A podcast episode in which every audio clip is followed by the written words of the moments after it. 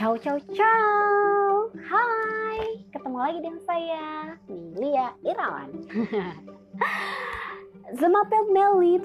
Comment? Ça va bien? Très bien, merci.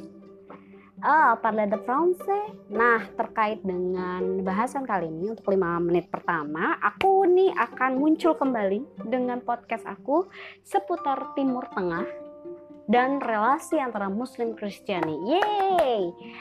Ini adalah salah satu hal yang yang yang ingin aku challenge dari diri aku untuk melakukan tanggapan terkait fenomena-fenomena yang terjadi di Timur Tengah karena itu jadi uh, karena background aku adalah uh, seorang yang memfokuskan diri pada Middle Eastern dan juga sekarang lagi lebih spesifik lagi tentang relasi Muslim Kristen jadi kayaknya isu ini kayak cocok banget untuk aku bahas nih di podcast kali ini.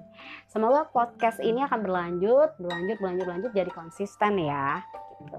oke kita akan membahas tentang seperti yang aku sampaikan tadi ya, kalau aku udah bicara tentang parle de français berarti kita akan membahas tentang Prancis, apalagi kalau bukan Charlie Hebdo, Presiden Macron, dan isu boykot, kemudian yang boykot yang sudah worldwide, dan juga uh, tentang dunia Timur Tengah.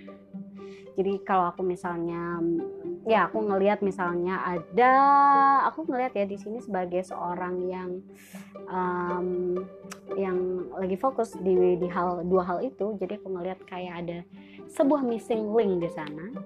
Missing link dari pemahaman yang uh, kan kasusnya tahu kan kasusnya tuh terkait pembunuhan oh terkait karikatur Nabi Muhammad.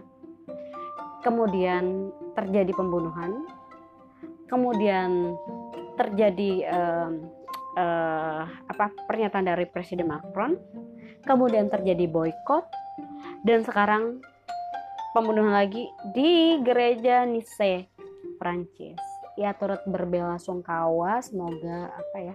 Semoga ada ada sebuah hikmah besar yang mau yang kita ambil ya dari kejadian ini sehingga tidak terulang lagi.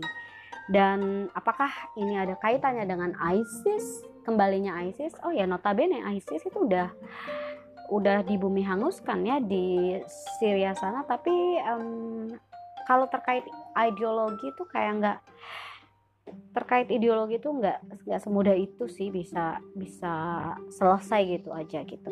Nah nanti uh, karena ini sudah maghrib, jadi aku akan membahas itu di part kedua di seputar pembahasan seputar yang tadi yang aku sampaikan ya terkait tentang Prancis, kelumit tentang dunia Islam, relasi Islam dan uh, yang terjadi uh, pada hari ini boycott and the gang dan juga aku juga turut berbelasungkawa berbelasungkawa uh, dengan hal yang terjadi atau uh, fenomena yang terjadi fenomena alam ya terkait tsunami gempa bumi yang ada di Izmir Turki. Semoga uh, diberikan kekuatan diberikan kekuatan untuk menjalani menghadapi dan membangun kembali kota tersebut Amin. Oke, kita lanjut di part kedua. See you. Bye.